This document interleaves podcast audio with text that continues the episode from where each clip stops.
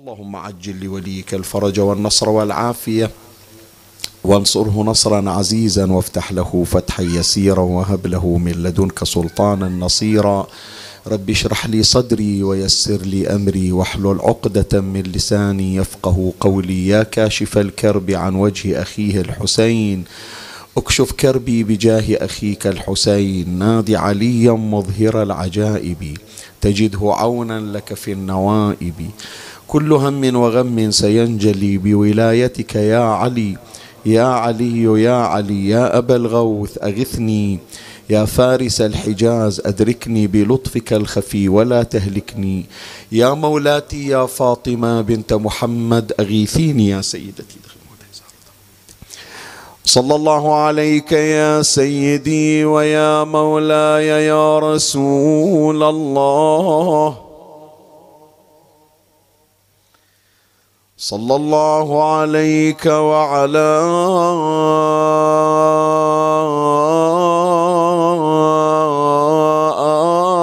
آلك الطاهرين.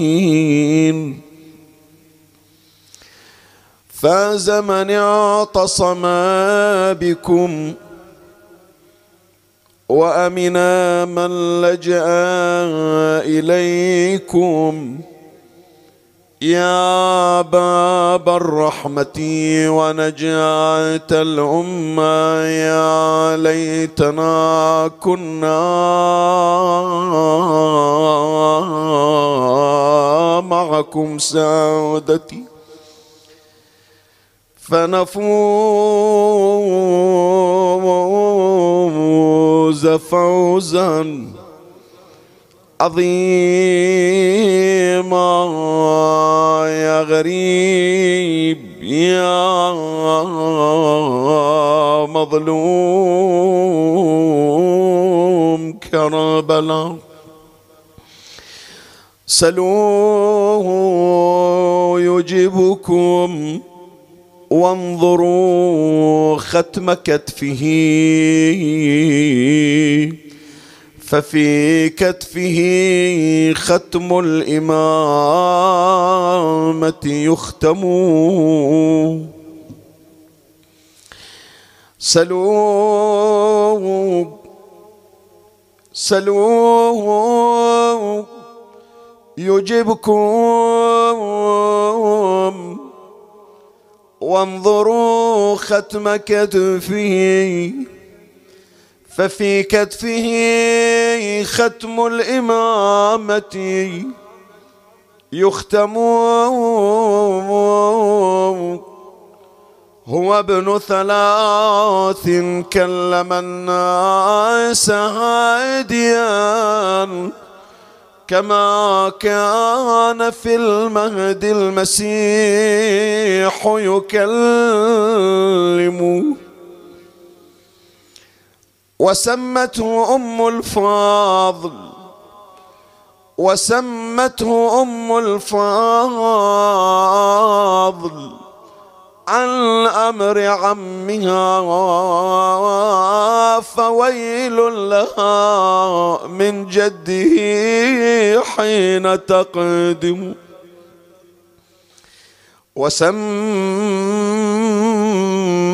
وسمته أم الفضل عن أمر عمها. فويل لها فويل لها فويل لها من جده حين تقدم على قلة الأيام. والمكث لم يزل بكم كل يوم يستضام ويهضم. في ريعان الشباب كل يوم مرارة في قلبه. على قلة الأيام. على على على قلة الأيام. والمكث لم يزل. بكم كل يوم يستضام. ويهضم فيا لقصير العمر وويل. خمسة وعشرين سنة شباب الأئمة. فيا لقصير العمر طال لموته. هي على الدين والدنيا البكاء والتألم. هي على الدين والدنيا البكاء يا يا يا يا.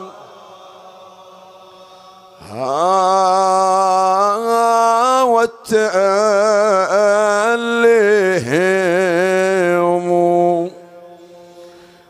ثمين أولادك مات يا زهرة الحزينة. قلبه يا زهرة بسموم مجرحينه ليتك نظرتنا وهو يجذب ونينا ما حد إجا علدا وسقى قطرة ماي وحدة يلوج بحجرة مغلوقة الباب. ما حد حضر عنده يا زهرة من الأحباب. الجسم متورم من السم والقلب ذا في حجرة ظلمة ترى ضاق المني. وويل إلى كل أم فاقدة شباب. هذه الليلة تتذكر أولادها وتتذكر شبابها. إلا راح عندها ولد وما ودعته. ولا ولد مات بالغربة وما شافته ولا كانت تتمنى ومجهزة ثياب ولدها وما زفته ولعدها ولد الله يبلغها بجاه شباب الأئمة. شبان يا أم حسين وغصون رطيبة. ما واحد إلا وانقصاف عمره غصيبة. التي عليهم لابسه ثوب المصيبه ويهج حزنك لو ذكرت الغاضرين الليلة مولاتنا فاطمة تجر الأن في أرض الكاظمية شنو ونت فاطمة؟ ونات مختلفة إلها. مرة تقول أنا الوالدة يا حسين يا ابني مرة تقول أنا الوالدة والقلب لهفان. مرة تقول أدور بالمجالس مثل المضيعات بس أكو خاصة هي اللي تأذي أكثر. إيه أنا أنا أنا أنا الوالدة اللي يسروا اي صدق والله هي الحركة قلبك ها؟ يخلين وين وياها وين واسيها. اي بتها بتها أنا الوالدة اللي يسروا بتها أنا الوالدة اللي يسرها يا يا. وبهت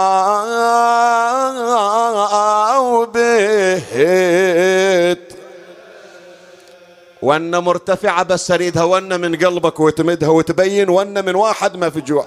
بتها أنا الوالدة اللي يسروا.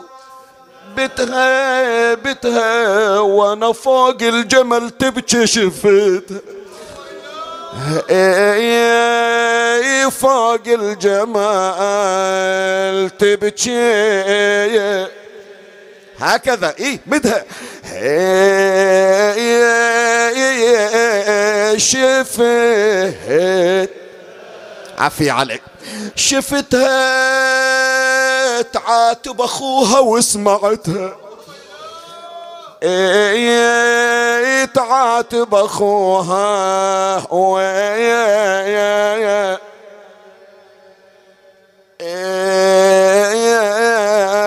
اسمعي شو تقول مولاتي بنت زينب اسمعتها تقول يا حسين زينب من عفتها مجالس بن امي دخلت.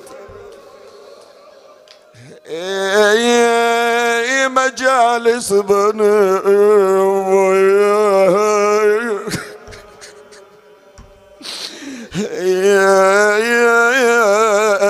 دخلت والله تقرح تجرح القلب مجالس بني اميه ادخلتها وعن طفلتك لو سايلتها يا أختي رقية ما شفت أسمع وأنا خاصة على حساب رقية من عندك. يا أختي رقية ما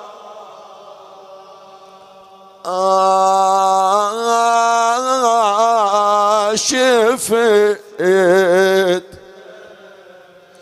لا تسأل لا تسأل لا تسأل أنا بيد دفنت. والله والمجلس مكتفي.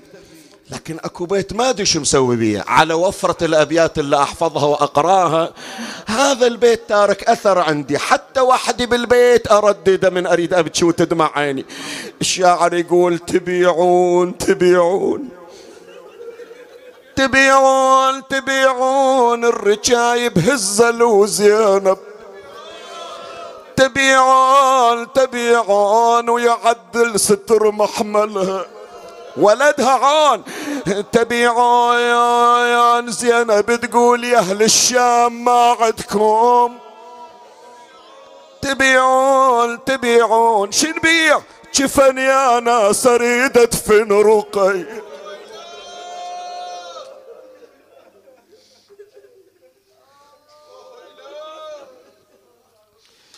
إنا لله وإنا إليه راجعون. جاء في رسالة إمامنا محمد بن علي الجواد. صلوات الله وسلامه عليه لصاحبه علي بن مهزيان رحمه الله.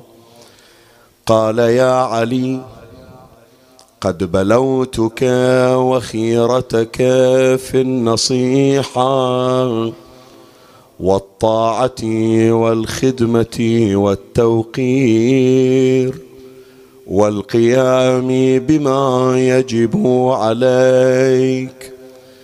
فلو قلت إني لم ارى مثلك لرجوت أن أكون صادقا.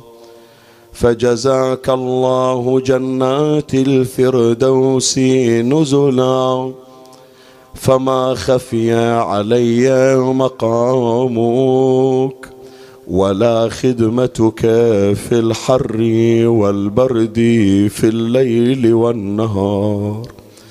فأسأل الله إذا جمع الخلائق للقيامه أن يحبوك برحمة تغتبط بها.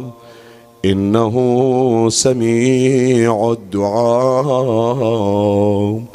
قضى الله حوائجنا وحوائجكم وبلغنا الله مرادنا ومرادكم.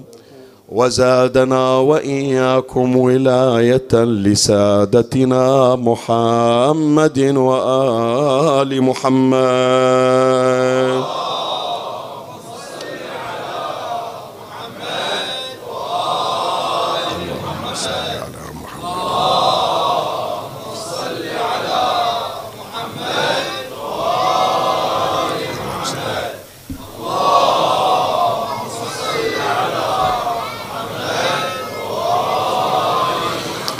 كلمات من إمامنا التاسع محمد بن علي الجواد صلوات الله عليه حينما نقرأها ونسمعها وهو يشهد بها لأحد أصحابه ويتوج بها أحد الذين صنعهم بيده نتمنى أن نكون في مقام هذا الذي يمدحه الإمام.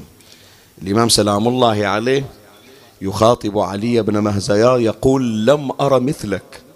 شقد عندي أصحاب شقد عندي أتباع شقد عندي تلامذة حتى من أقاربي لكن ما وجدت أحدا مثلك في المقام وفي المنزلة وفي الخدمة.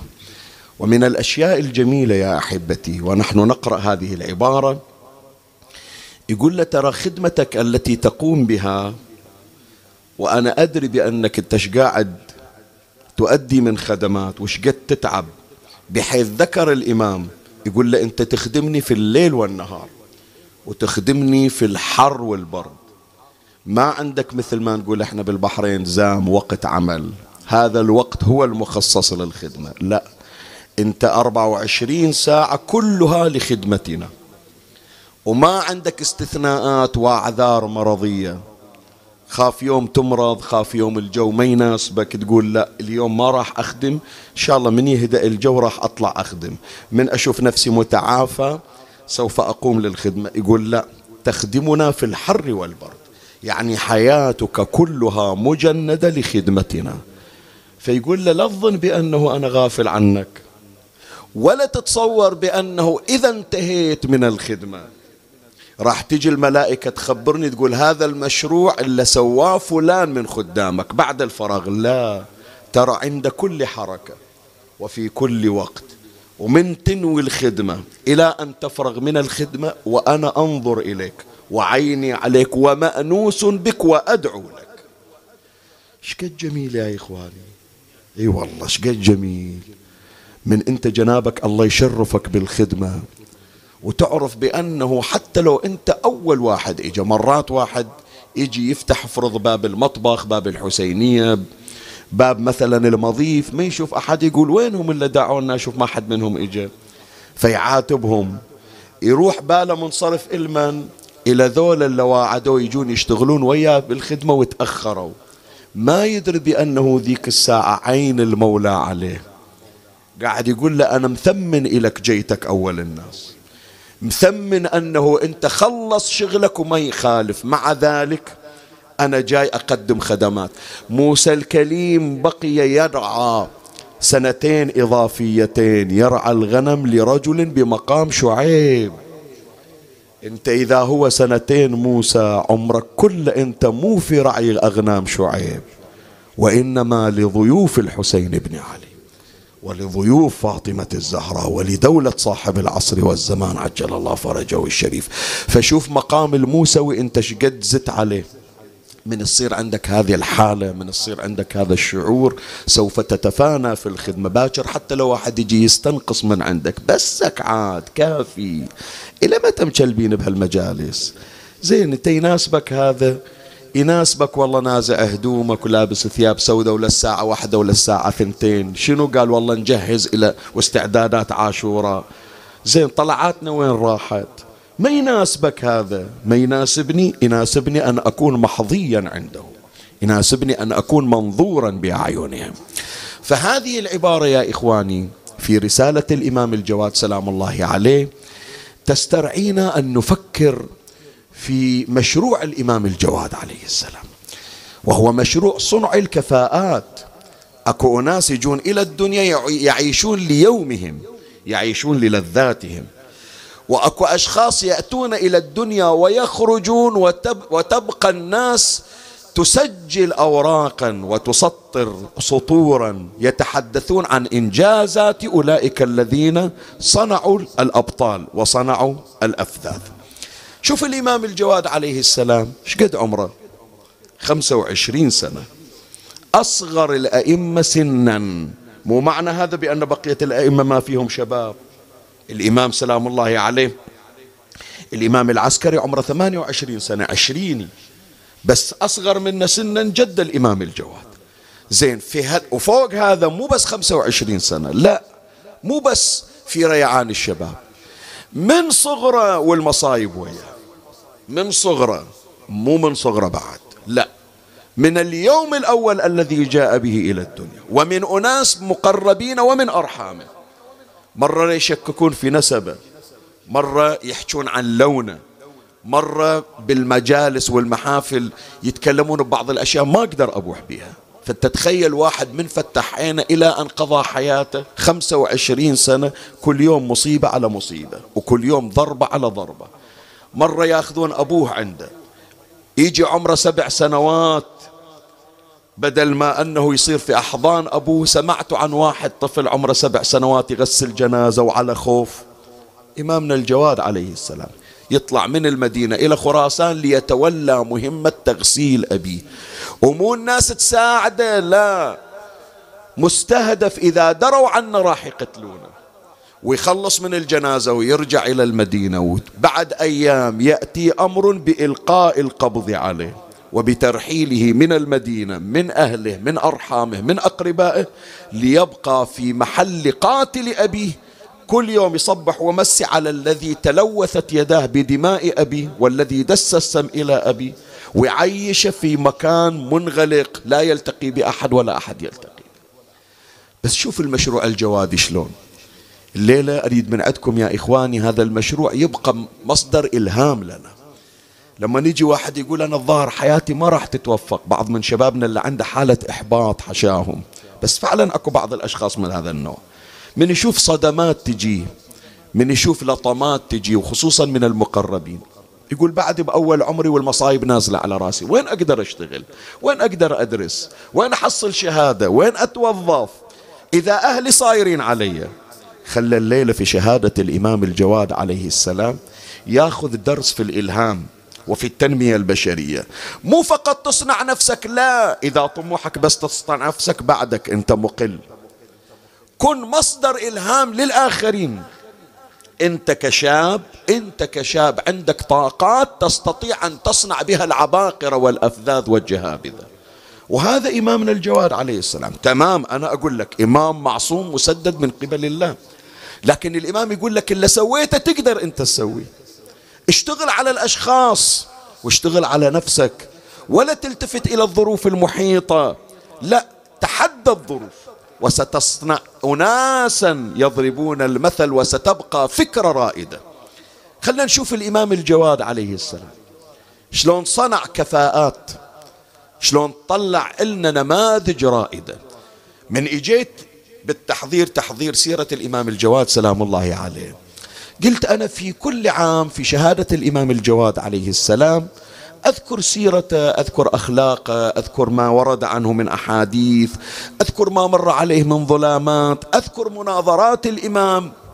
زين بس نريد نشوف الإمام سوى شيء أثر في الآخرين. نعم ما أتعجب أن الإمام الصادق عنده تلامذة ما أتعجب بأن أمير المؤمنين عنده شرطة الخميس ستة آلاف شخص. مو عجيبة مبسوط اليد.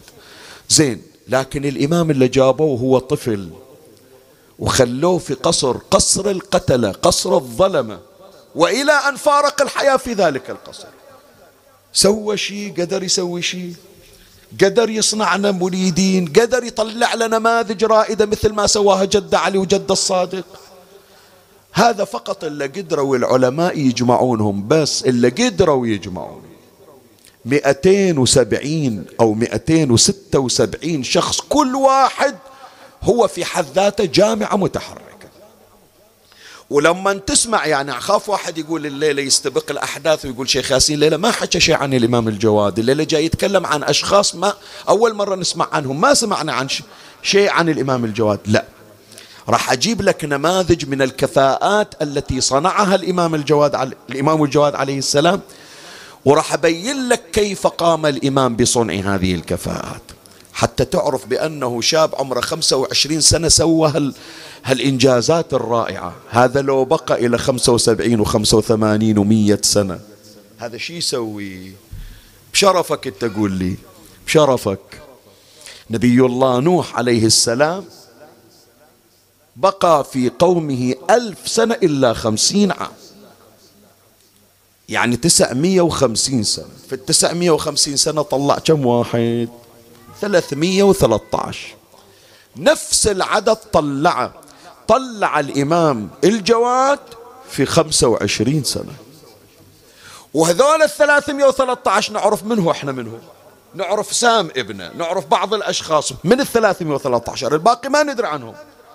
الإمام الجواد عليه السلام طلع ثلاثمية أو أكثر من ثلاثمية كل واحد مضرب مثل. اليوم بعد نحن نمشي على خيرات تلامذة الإمام وراح يمر علينا إن شاء الله. واحد من عندهم منو؟ علي ابن مهزيار. هذا اللي قرينا رسالة الإمام الجواد عليه السلام له.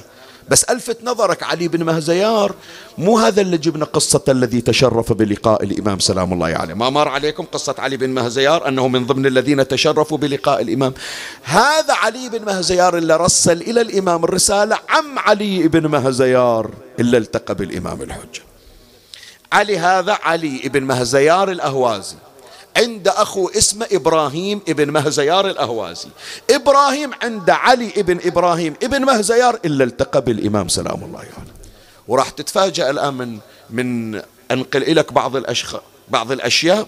تتعجب تقول معقولة؟ إحنا تصورنا هذا علي ابن مهزيار طالع من بيئة سلمان المحمدي من سلالة أبي ذر من سلالة عمار حتى يوفق هالتوفيقات. راح تتفاجأ. ذول إجوا من ناس لا يظن فيهم أحد بأنهم سيلتقون بأهل البيت فضلا أن يكونوا مقربين. لكن اشتغل عليهم الإمام الجواد خلى ذراريهم يوفقون لأن يكونوا من الملتقين بصاحب الزمان.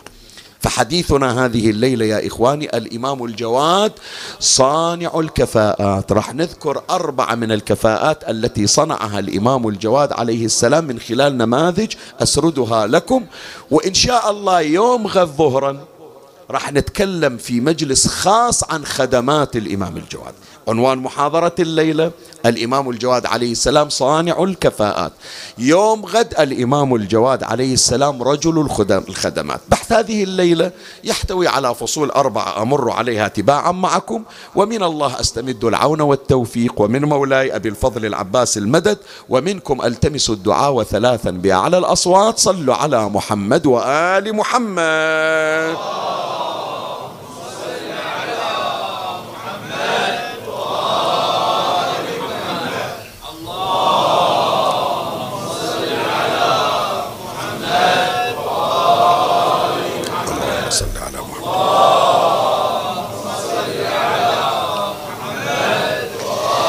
مولاي الكريم أنت حيثما كنت اسمعني وفرغ لي قلبك وأعرني سمعك وأقبل علي بكلك بحثي هذه الليلة في ذكرى شهادة الإمام الجواد عليه السلام بعنوان الإمام الجواد صلوات الله عليه صانع الكفاءات وأشير إلى أربع من النماذج. أما الكفاءة الأولى التي صنعها الإمام الجواد عليه السلام علي بن مهزيار. هذا الفصل بعنوان علي بن مهزيار رحمه الله محبوب الإمام الجواد. يعني الإمام عطاه حب من نوع خاص. والآن راح أبين لك هذه الشخصية وعلي بن مهزيار ابن أخول تسمع عنه. منين جايين هم وشنو كانوا قبل لا يتعلقون بأهل البيت؟ أنت تدري عن هذا علي بن مهزيار اللي الآن نحكي عنه؟ وعن علي بن مهزيار ابن أخوه اللي التقى بالإمام الحجة. تدري عنهم بأنهم ذولا مسيحيين؟ لو ما تدري. مر عليك هذا الحكي. علي بن مهزيار اللي كثير حتى من أقارب الإمام الحجة ما توفق لرؤيته. توفق للمشاهدة. رجل كان نصرانيا لكن دخل في الإسلام وتعلق بأهل البيت وأفرغ عليه أهل البيت عليهم السلام وكان حجر الأساس وضعه الإمام الجواد صلوات الله عليه. قال ما أريد من عندكم بس تصيرون مسلمين. لا. مسلمين وأريد من عندكم موالين وفي الولاية تكونون مميزين. وراح أفرغ عليكم من محبتي لكم حتى تكونون نماذج مختارة نضرب بكم المثل.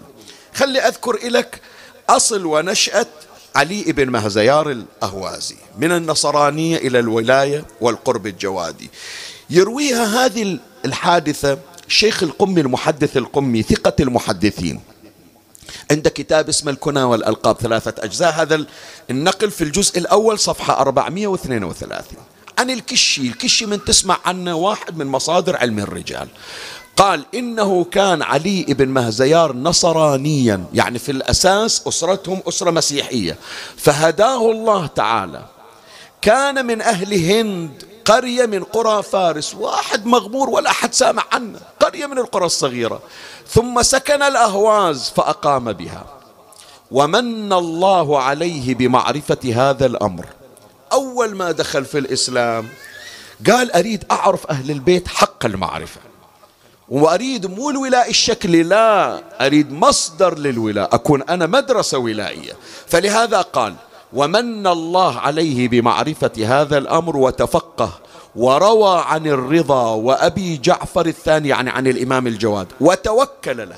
من واحد نصراني خلاه الإمام الجواد وكيل إليه هو اللي يحدث الناس هو اللي ينقل فضائلهم هو اللي يعتمدون على أمانته وتوكل له وعظم محله منه. وكذلك أبو الحسن الثالث وتوكل لهم في بعض النواحي وخرجت إلى الشيعة منه توقيعات بكل خير. تاليها هذا النصراني اللي ما حد يظن عليه؟ يصير وكيل الإمام الرضا ووكيل الإمام الجواد ووكيل الإمام الهادي. يقدم الإمام على غيره حتى من الأقارب. هذا أصل علي بن مهزيار. زين علي بن مهزيار عنده حالة يا إخواني إحنا نتمناها. صدقني. حصل هالمنزلة هذه مو فقط بحبه لأهل البيت؟ لا. يريد يصير نسخة مصغرة من أهل البيت. يجي إلى أهل البيت يسأل الإمام الجواد يقول له سيدي إيش أسوي؟ حتى أصير قريب من عندكم. وهذا يا إخواني درس. أتمنى تسجلون عندكم. ترى هي توصية علمائنا خصوصا العرفانيين. من واحد يريد توفيقات من نوع خاص أكثر للدعاء من لإخوانك أكثر من الدعاء لإخوانك بظهر الغيب واستغفر لهم. خصوصا نيابة عن إمامنا الحجة بن الحسن عجل الله فرجه الشريف. شوف الإمام المنتظر في غيبته يدعو لشيعته. فأنت من تريد عمل من الأعمال الموفقة شارك الإمام المنتظر. قال له سيدي أدري أنت ليلك كله تقضي ونهارك تدعو لشيعتك وللمذنبين أن يغفر الله لهم فأي هداية وأي صلاح ببركة دعواتك. أنا أريد أكون من خدامك وأشاركك هذه المهمة. فتستغفر إلى الشيعة. ليش علمونا يا إخواني؟ بصلاة الليل نستغفر الكم مؤمن؟ أربعين مؤمن صحيح لولا بعضهم يقول شيخنا شيخ وين أجيب أربعين مؤمن أنا؟ أنا من يجون يسألوني شلون أعدد أربعين مؤمن؟ ما أحفظ. قلت زين وأهلك وين راحوا؟ أقاربك وين راحوا؟ ترى مؤمن مو تدور لي واحد معصوم مصادر من عنده ذنب. مؤمن يعني على خط أهل البيت. فأنت من تدعو لأبوك إلى أخوانك بأسمائهم إلى أقربائك وأرحامك راح تكتشف بأنك تحتاج إلى عدد أكثر من الأربعين. ولهذا العلماء يقولون أنه لو عندي العدد فوق الأربعين إيش أسوي؟ أكتفي بالأربعين؟ لا جيب زيادة على الأربعين. أدي اللي عليك أربعين خصصهم وجيب العدد الزائد بنية الذكر المطلق. مو جزئية في الصلاة. لا مو تقول بأنه مطلوب من عندي ألف مؤمن أذكر لا. أربعين وأزيد بنية الدعاء المطلق وبنية الذكر المطلق. هذا علي بن مهزيار. تدري شغله شو يسوي؟ خلي أقرأ لك في نفس المصدر. قال كان إذا طلعت الشمس حطوا بالكم شباب. كان إذا طلعت الشمس وسجد كان لا يرفع رأسه حتى يدعو لألف من إخوانه. عند ورد يومي. يعدد تقريبا ألف شخص من شيعة أهل البيت. يقول أنا ويا أهل البيت مثل ما أهل البيت يدعون لهم أنا هم أدعو لهم. كان إذا طلعت الشمس وسجد كان لا يرفع رأسه حتى يدعو لألف من إخوانه بمثل ما دعا لنفسه. وكان على جبهته سجاد مثل ركبة البعير. يقولوا ليش تقرأ؟ يا ابن مهزيار هذه علامة السجود. انت بتسجد إيش تقرأ؟ دعاء أبي حمزة الثمالي دعاء عرفة؟ يقول لا. أذكركم وأدعي لكم في صلاتي وأقدمكم على نفسي كما كانت صديقة النساء فاطمة. سلام الله عليها. الإمام الحسن عليه السلام يقول رأيتها ما دعت لنفسها. تذكرهم بأسمائهم. هذه الحالة اللي عنده من حب الآخرين خلته يصير مميز عند الإمام الجواد. الآن في النقطة الثالثة من هذه الكفاءة الأولى كفاءة علي بن مهزيار. خلي أشوقك. راح أبين لك علي بن مهزيار إيش قد غالي عند الإمام الجواد. تخيلوا شباب تخيلوا كل يوم تجيك رسالة من الإمام المنتظر. ورسالة مو رسالة عامة خاف يقول شيخنا لا والله تجينا رسائل هاي أحاديث أهل البيت رسائل إلنا. لا ما أحكي لك رسالة عامة. أحكي لك كل يوم صاحب الزمان يرسل لك رسالة يقول لك مشتاق إلك أنت أحبك أنت. شفت صلاتك البارحة صلاة الليل ودعوت لك من شفتك تصلي. شفت الحاجة اللي انقضت ترى أنا داعي إلك وذاكرنك بالاسم. شي يصير بحالك ذيك الساعة؟ عمي لما يقولون لك إحنا تونا جايين من كربلاء وعند الضريح دعونا لك بالاسم تستانس. فلو تسمع بأن الحسين في ضريحة ذاكرنك بالاسم شي يصير بحالك؟ الآن خلي أقرأ لك مراسلات بين الإمام الجواد عليه السلام وبين علي وبين علي بن مهزيار ومن أقرأها لك لا ما أريدك تسمعني بإذنك لا. افتح قلبك وتقول يا ربي متى أصير مثل علي بن مهزيار يحبوني أهل البيت ودزوا لي رسائل خاصة؟ واضحة الرسالة اللي أريد أقولها؟ يعني أنت الآن صور نفسك محل علي بن مهزيار شوف الإمام الجواد شي يقول له. أولا الإمام الجواد يرسل له يقول له ترى أنا أحبك يا علي. أحبك أحبك حب خاص. شوف الإمام الجواد ماذا يقول له. قال وأما ما سألت من الدعاء. يقول طرشت إلي تقول لي مولاي ادعي لي محتاج إلى دعائك. وأما ما سألت من الدعاء فإنك لست تدري كيف جعلك الله عندي. يعني باصطلاحنا إحنا نقول شنو؟ ما تعرف إيش قد غلاتك بقلبي. ما يحتاج تقول لي مولاي اسألني أنا متى نسيتك من الدعاء؟ أنا كأنما الإمام الجواد يقول السبحة اللبيد اللي أسبح بيها وقت صلاة الليل أنت في, في أول الخرز. يقول وأما ما سألت من الدعاء فإنك لست تدري كيف جعلك الله عندي. بعد أشوقك أكثر. وربما سميتك باسمك ونسبك. يعني ذيك الليلة أذكرك بالاسم أقول يا ربي فلان علي بن مهزيار يا ربي. دي لنا وعنده أمل فينا ما نخيبه. لا تنساه مولاي رد علي. قال وربما سميتك باسمك ونسبك مع كثرة عنايتي بك ومحبتي لك. فوق إني أنا أحبك. اسمك دائما على لساني. أبديك قبل لا أبدي غيري حتى من أرحام. بعد. يوم من الأيام منو من عندكم يا شباب اجى إلى الكاظمية ووقف على الضريح موسى ابن جعفر. وكلب بالشباك وقام يهزه يقول له سيدي حاجتي حاجتي. حاجتي طالع مسافر إلك وجاي إلك. إي نعم باب الحوائج دخيلة. شوف الإمام سلام الله عليه. يعني يوم من الأيام علي بن مهزار قال له سيدي أنا بضيق. بضيق بأزمة مالية. وما أعرف أمد إيدي إلى أحد. بس أنت يا مولاي باب المراد. وانت دعوتك لا ترد. اسأل ربك أن يوسع علي هالضيق اللي أنا فيه شوية ينفرج. هالديون اللي علي تنقضي. شوف إيش قال للإمام. ليلة هذه الكلمة بالذات تحديدا. إلى أحبتي القاعدين إلى اللي يسمعونا عبر البث وإلى كل واحد يوصل إلى هذا الصوت. خليه يجرب الإمام الجواد عليه السلام. وخلي يتذكر حاجته يقول صار لي شيخنا مدة طالب حاجة من عندهم ما أعطوني. راح أقول لك الآن شو يقولون لك أهل البيت خصوصا صاحب هالليلة. قال وسع الله عليك. الإمام دعاله وسع الله عليك. ولمن سألت به التوسعة. يعني الله يوسع عليك وعلى زوجتك وعلى عيالك وعلى أهلك. ولمن سألت به التوسعة في أهلك وبيتك. اسمع شباب حطوا بالكم. ولك, عن ولك يا علي عندي أكثر من التوسعة. أنت جاي زايرني على بالك راح أعطيك حاجتك وتطلع بها. ترى ضامي لك جوائز. حياتك كلها بعنايتي ورعايتي. إذا تظن أنه أنت تطلب حاجة من عند أهل البيت ويعطونك الحاجة ويقولون لك في أمان الله والله ظلمت أهل البيت. أهل البيت ما يتونسون إلا إذا حياتك صارت مرفهة ببركة يقول هذه الدمعة من عينك وطلعتك تجي تزورنا مع ضامينها إلك شنو تقول علي دين؟ شنو والله وظيفتي متعطلة؟ شنو والله كم سنة ما جتني ذرية؟ شنو والله فلان مأذني أنا خلاص طلبتك من عند الله.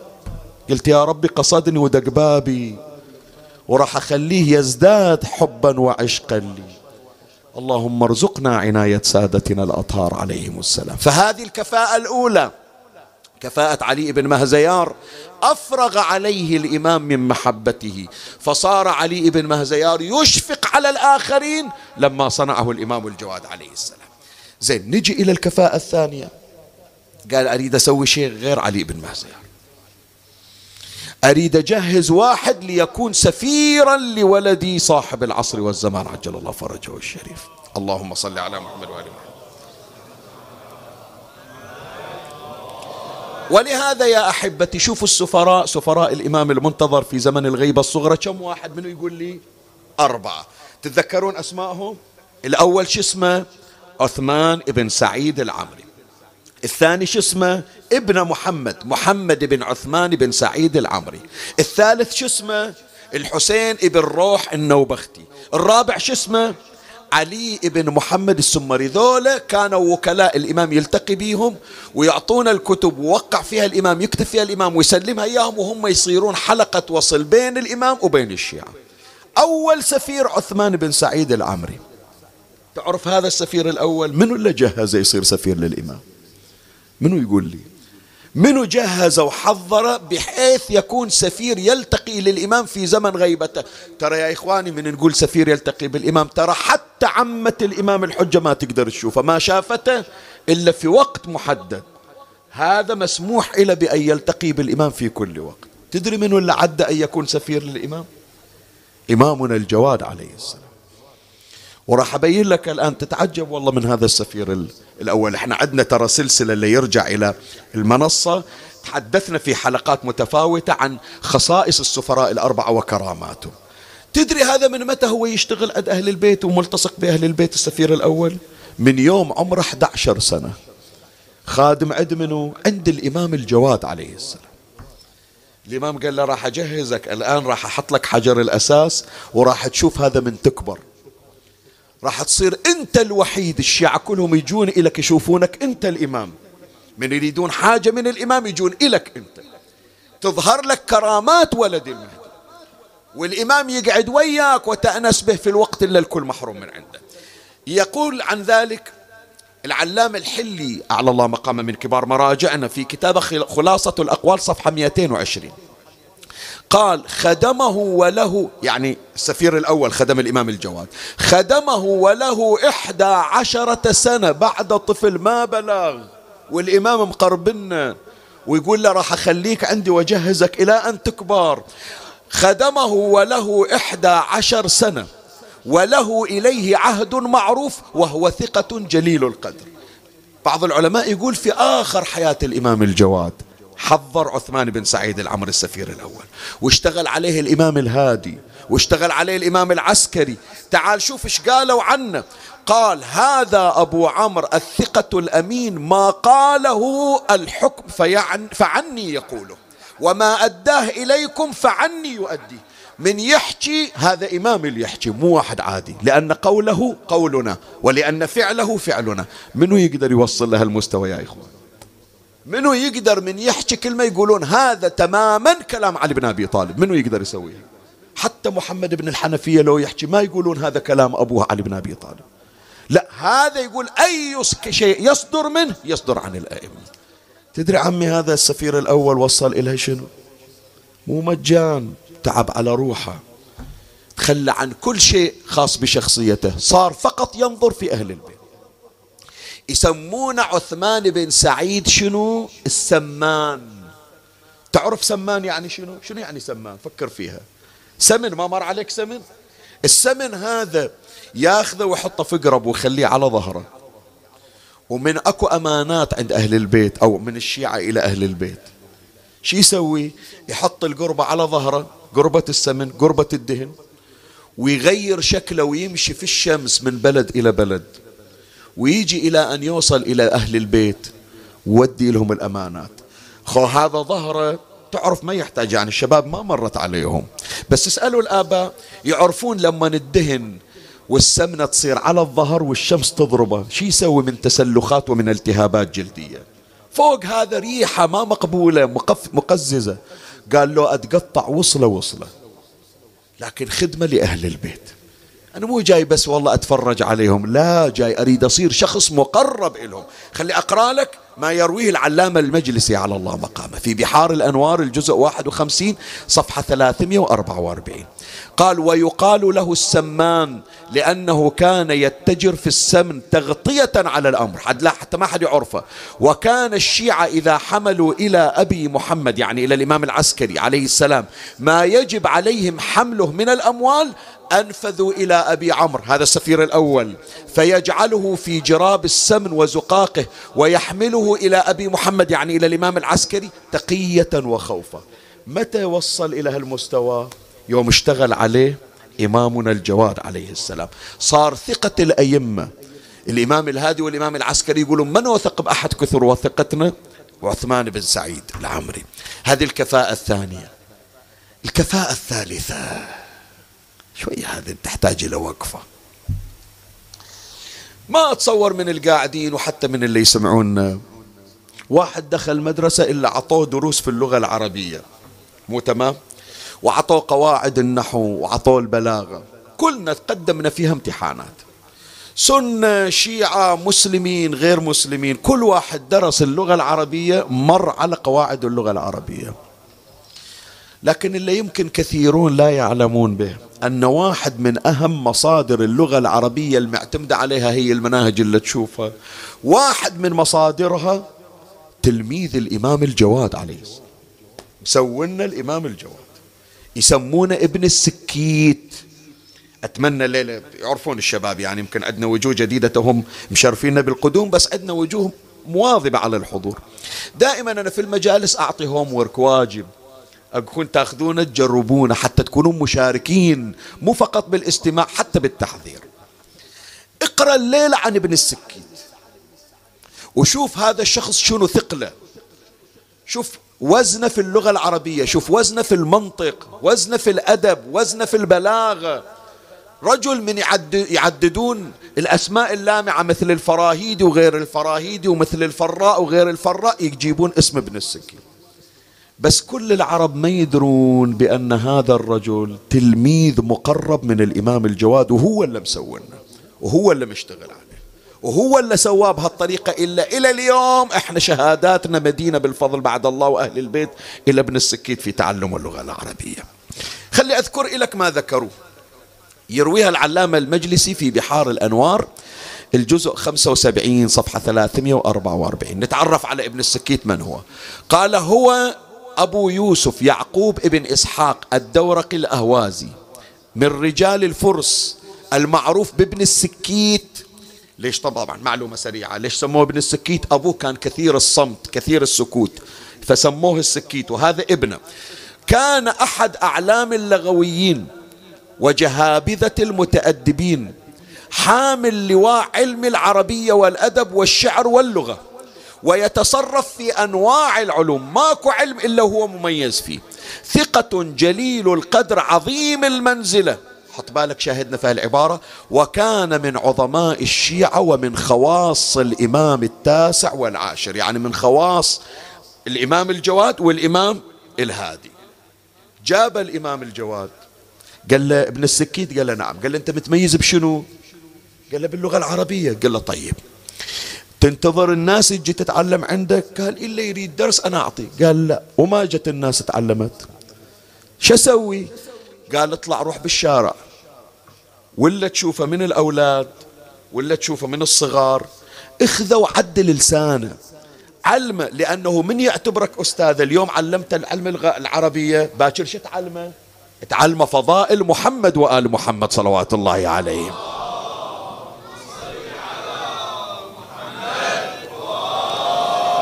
فشوف هذا ابن السكي تلميذ الإمام الجواد اللي هو قلت لك جامعة متحركة إلى اليوم كتبة تعد مصادر مهمة. يطلع يروح يوقف ويلزم الأطفال. بابا تعال أعرب لي هالجملة. احكي خلي أشوف لسانك. وإذا عنده غلط عدله. ليش؟ لأن الإمام دعاه إلى ذلك. يذكر العلامة المجلسي يقول وكان في أول أمره يؤدب مع أبيه هو وأبوه بمدينة السلام. وين مدينة السلام؟ بغداد في درب القنطرة. صبيان العامة حتى احتاج إلى الكسب. يعني حتى أنه رزقا قطع شغلته بس يعلم مجانا. يقولون له واحد غيرك يطلع فلوس. يقول أهم شيء الناس تتعلم. الإمام كان مرسلا تعرف هذا نهايته شنو؟ ابن السكيت حتما مجموعة من أهل المعرفة والمتابعين يدرون.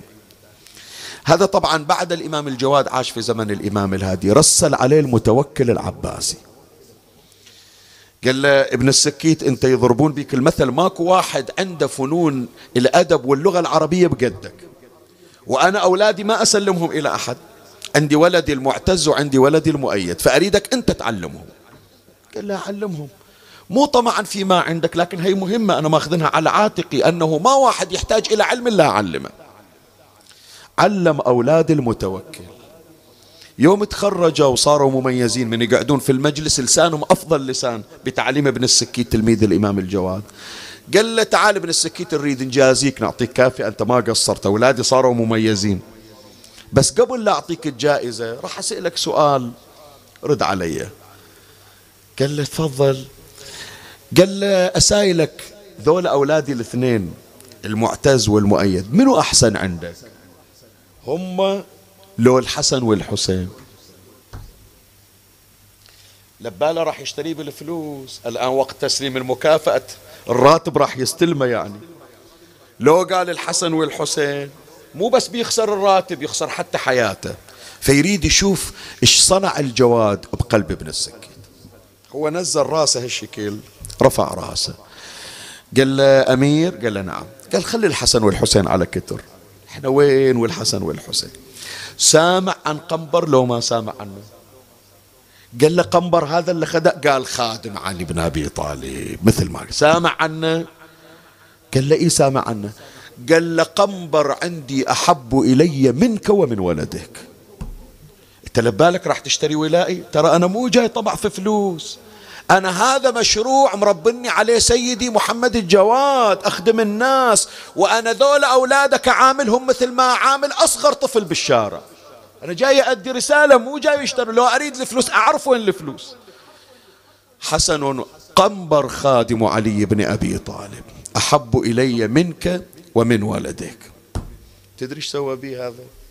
اللي تعبان عليه الإمام الجواد. أشار إلى الحرس الأتراك قال لهم شقوا رقبته واستخرجوا لسانه من قفاه. وفعلا تفنن في تعذيبه وفي إعدامه. قلبوه على وجهه وشقوا رقبته من الخلف وجابوا مثل الملقط أرسلوه في رقبته وأخرجوا لسانه من قفاه ثم قطعوا رأسه. عم مش هالعلم وش هالقوة؟ من وين؟ هذه من الكفاءات التي صنعها الإمام الجواد عليه السلام. أمي هالمقدار كافي إحنا الآن قرينا كثير بس الليلة ذكرى الإمام. راح أذكر لك كفاءة رابعة سريعا في دقيقتين ثلاث ليس إلا. واحد من الكفاءات التي صنعها الإمام سلام الله عليه يسمونه صفوان ابن يحيى. وهذا الرجل يا الله شوف إيش قد الإمام الجواد يحب خلي أقرأ لك من تسألني منو صفوان بن يحيى. يرويها العلامة المجلسي في الجزء 75 من بحار الأنوار صفحة 337 قال من أصحاب الإمام حط بالك من أصحاب الإمام السابع والثامن والتاسع. منو الإمام السابع؟ منو يرد علي؟ الإمام الكاظم عليه السلام. منو الإمام الثامن؟ الإمام الرضا. الإمام التاسع الإمام الجواد. فهذا تشرف بخدمة ومصاحبة ثلاثة من الأئمة المعصومين. وأقروا له بالفقه والعلم. يعني مو بس يجي يقعد عندهم يقولون هذا الفقيه ولا ينقل علمنا. وكان وكيل الرضا عليه السلام. وصنف كتبا كثيرة. وكان من الورع والعبادة ما لم يكن أحد في طبقته. ما حد ضاهي وكان أوثق أهل زمانه عند أصحاب الحديث. وأعبدهم. كان يصلي كل يوم خمسين ومائة ركعة في كل يوم ويصوم في السنة ثلاثة أشهر ويخرج زكاة ماله كل سنة ثلاث مرات. الناس تزكي مرة هو لا يهم بس مساعدة الآخرين. وصل الخبر للإمام الجواد. قالوا له سيدي واحد من تلامذتك ولا صنعتهم صفوان ابن يحيى؟ إيش بيه؟ قالوا فارق الحياة. تدري إيش صار بقلب الإمام الجواد يوم اللي سمع عنه؟ خلي أذكر لك ما ذكره العلامة المجلسي 75 من بحار الأنوار صفحة 370 يقول مات رحمه الله يعني صفوان بن يحيى بالمدينة. وبعث إليه أبو جعفر الإمام الجواد وبعث إليه أبو جعفر بحنوطه وكفنه. قال لا تشترون له كفن ولا تجيبون له حنوط كفن من عندي؟ هذا حياته كلها في خدمتنا. شلون أخليه وقت الموت؟ وبعث إليه أبو جعفر بحنوطه وكفنه. شوف الكلمة اللي شوية بها كسرة قلب ترى. وأمر إسماعيل ابن موسى عم ابن موسى الكاظم. وأمر إسماعيل ابن موسى بالصلاة عليه. قال له عمي هذا واحد من شيعتنا ومن خدامنا خدم أبويا وخدم جدي وخدمني. لا تجيبون واحد غريب يصلي عليه. وأول ما يطلعون جنازته من المغتسل أريد بني هاشم كلهم واقفين قدام حتى اللي يشوف الجنازة يقول كأن واحد من الهاشميين فارق الحياة مو واحد غريب. الله يا باب المراد إيش قد حنون؟ خمسة وعشرين سنة تملأها حنانا وشفقة واحد بالمدينة وأهله هناك وجماعته هناك وربعه هناك. قلت الكفن علي والحنوط علي. والصلاة مو أي صلاة يصلون عليه. يصلون عليه أهلنا يصلون عليه قرابتنا. عمي بنفسه يطلع يصلي لو أقدر أطلع من بغداد كان أنا أجي أصلي. ليش عمي تبكي؟ ليش؟ وين راح قلبك؟ إيه كأنك عندك حكاية ويا إمامك. يا الحنون يلي ما رضيت على واحد يصلي عليه غيركم. كان خليت عمك يجي يصلي عليك وأنت جنازة على السطح ثلاثة أيام. كان رسلت واحد من المدينة يجيب لك حنوط وكفن بدل ما يخلونك تصهر كالشمس بحرارتها. هي كلمة ضامنها الباكر بس الليلة أريد أحرق قلبك. أزرعها بقلبك حتى باكر تسمعها من عندي. ثلاثة أيام تصهره الشمس وأرسل الله طيورا تظلل عليه عن حرارة الشمس. ولما خرج شيعة الإمام في بغداد يطالبون بنعشه. الرخصة من عندك يا صاحب الزمان. ألقوه من على سطح داره إلى الأرض حتى تكسرت أظلام يلا عمي خلنا ننتقل إلى شباب الأئمة. حق الشباب على الشباب. قدمت له زوجته أم الفاض عنبا رازقيا وقد وضعت فيه السموى ويلاه جاءت به إلى إمامنا قدمت ذلك العنب المسموم. أخذ إمامنا الجواد بعضا من حبات العنب أرسلها إلى جوفه. أحس كأن السكاكين تقطع في أحشائه قال الشيخ المازندراني فرمى إمامنا بنفسه على قفاه كلمة ما أدري الخطباء اللي يذكرونها لو لا. يقول الشيخ المازندراني نقلا عن كتاب جنات الخلود وصار بدن إمامنا يتعرق. فقامت أم الفاضل وضعت سما في منديل ألقته على وجه إمامنا. أخذ إمامنا يمسح ذلك العرق انتشر السم في بدنه فتورم جسده. ما عطيتني مهلة أريد صريحة أعلى من عدها. ولما تورم جسده صار بدنه ينضح دما. أيوا ويلا. أيوا إماما. وقفت أم الفضل تنظر إليه وقد وضع يده على بطنه وصار يتلوى يمينا وشمالا. فتح عينه صاح أم الفضل قتلتيني. قتلك الله وبلاك ببلاء لا ينجبر وبفقر لا ينستر. كأن الرحمة قد نزعت من قلبها تركت إمامنا بمفرده وخرجت وأغلقت الباب عليه. كلمة هذه بعد تحتاج إلى ون من نوع خاص. صار السم يتحرك ويسري في جسم الإمام. حتى تنشف بدنه. أحس بالعطش. وقف عند الباب. يضرب الباب بيد مرتعشة. ما أعطيتني مهلة. وهو ينادي أم الفاضل. اسقيني شربة من الماء.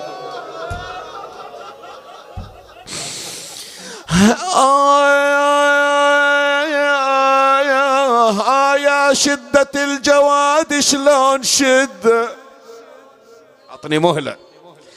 أحكي ويا ذول الحجاج اللي اليوم تحركوا. ووصلوا المدينة وأول مجلس يعقدون على الجواد. من سمعت عن الجواد زوجته دست إلى السم تذكرت منه أكو واحد قبره مهدوم بعد. عمي بس هذا اللي سمته زوجته روح شوف القبة الليلة عنده وروح شوف المواكب. بس اللي قبل عم اللي سموه ترى ما عنده زوار ولا عنده. اعطيني مهلة الليلة والله أريد أطلعها من عندك. دمعة جوادية حسنية حسنية. آه على الجواد شلون شد يا بالسم قضى مثل ما سمت جود آه على الجواد إيش ضاق شدة؟ مثل عم الحسن من سمته.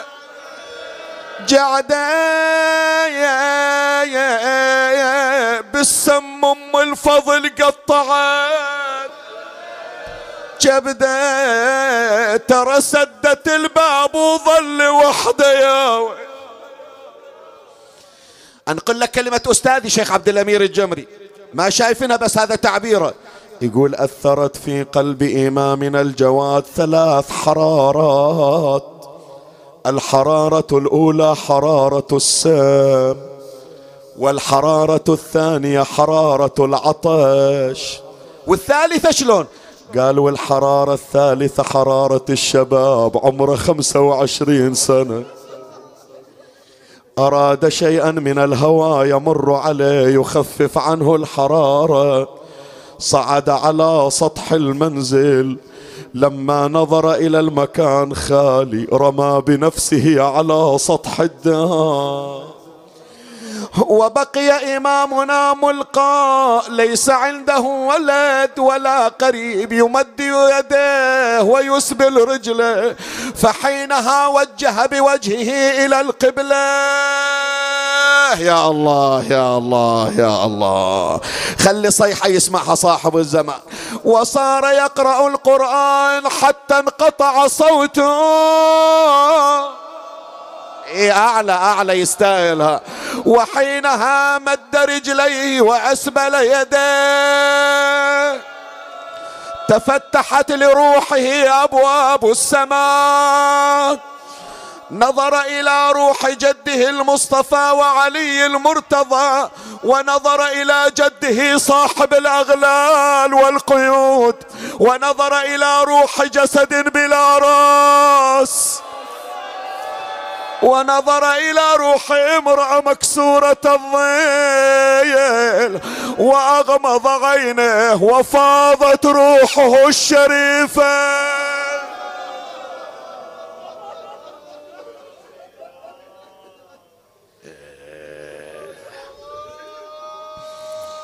خليني أنا وياك خليني أوين وياك. بالذات مصيبة الجواد كسرت قلب. ثلاثة أيام الشمس تصهر خده. وأم الفضل واقفة ورا الباب وتسمع يون. من انقطع الصوت؟ ماكو ونين. راحت نادت على أخوها جعفر بن المأمون. قالت الونين اختفى ما أسمع صوت. قال خلي نروح نشوفه. فتحوا الباب وإجوا وين ما هو؟ البيت خالي. صعدوا فوق السطح وإذا مقلوب على السطح الشمس تصهر خدة. قالت شو أسوي وياه؟ قال اقلبي عليه بساط. غطيه وخلي نطلع عنه. وتركوه ما حتى خبروا أهله يجون يشيلون جنازته. يا ابو الهادي اليوم شحبيك النصيب. بس اسمعني بس اسمعني. أتدرج وياك. يا أبو الهادي اليوم شحبيك النصيب. لا وطن لا واحد من أهلك قريب. لا وطن لا واحد من أهلك قريب. يا غريب وآه من موت الغريب. الآن راح أوديك إلى المكان اللي تنتظره. يا أبو الهايد شلون شحبيك النصيب؟ لا وطن لا واحد من أهلك قريب. يا غريب وآه من موت الغريب. مصابك أبد ما ظني هون ويطيب. ما بقى جسمك على الغبرة سليم. ما أعطيتني مهلة. ما بقى جسمك على الغبر سليب لا قطيع الراس لا خدك تري. هالبيت قاسي عليك. إذا شفته صعب عليك سكتني حتى أروح إلى غيره إيه ما بقى جسمك على حر الثرى. لا ضلوع ولا عظام مكسرة. اي صعب صعب عليك ها؟ اكمله لو أخليه؟ ما بقى جسمك على حر الثرى لا ضلوع ولا عظام. مكسرة ما إجا واحد لنحرك. هبرة حتى أم الفضل ما قصت خنصرة.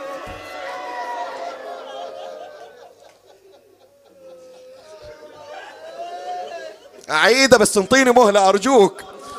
ما بقى جسمك على حر الثرى. لا ضلوع ولا عظام مكسرة. ما إجا واحد لنحرك هبرة. حتى أم الفضل قصت خنصرة. لا بنات ولا خواتم يسر من اللي عنده من اللي عنده اخت هناك تسمعي وين؟ صدق خلوه بروحه لكن ما إجت حكيمة تسمع ونته.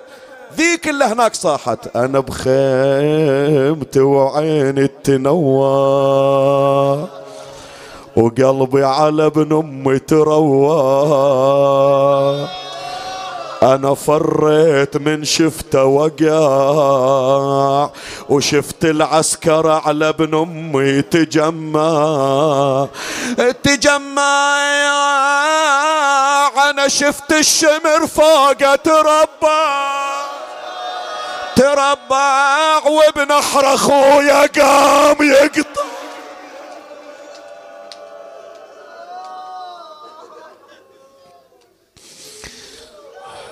ومر يحز النحر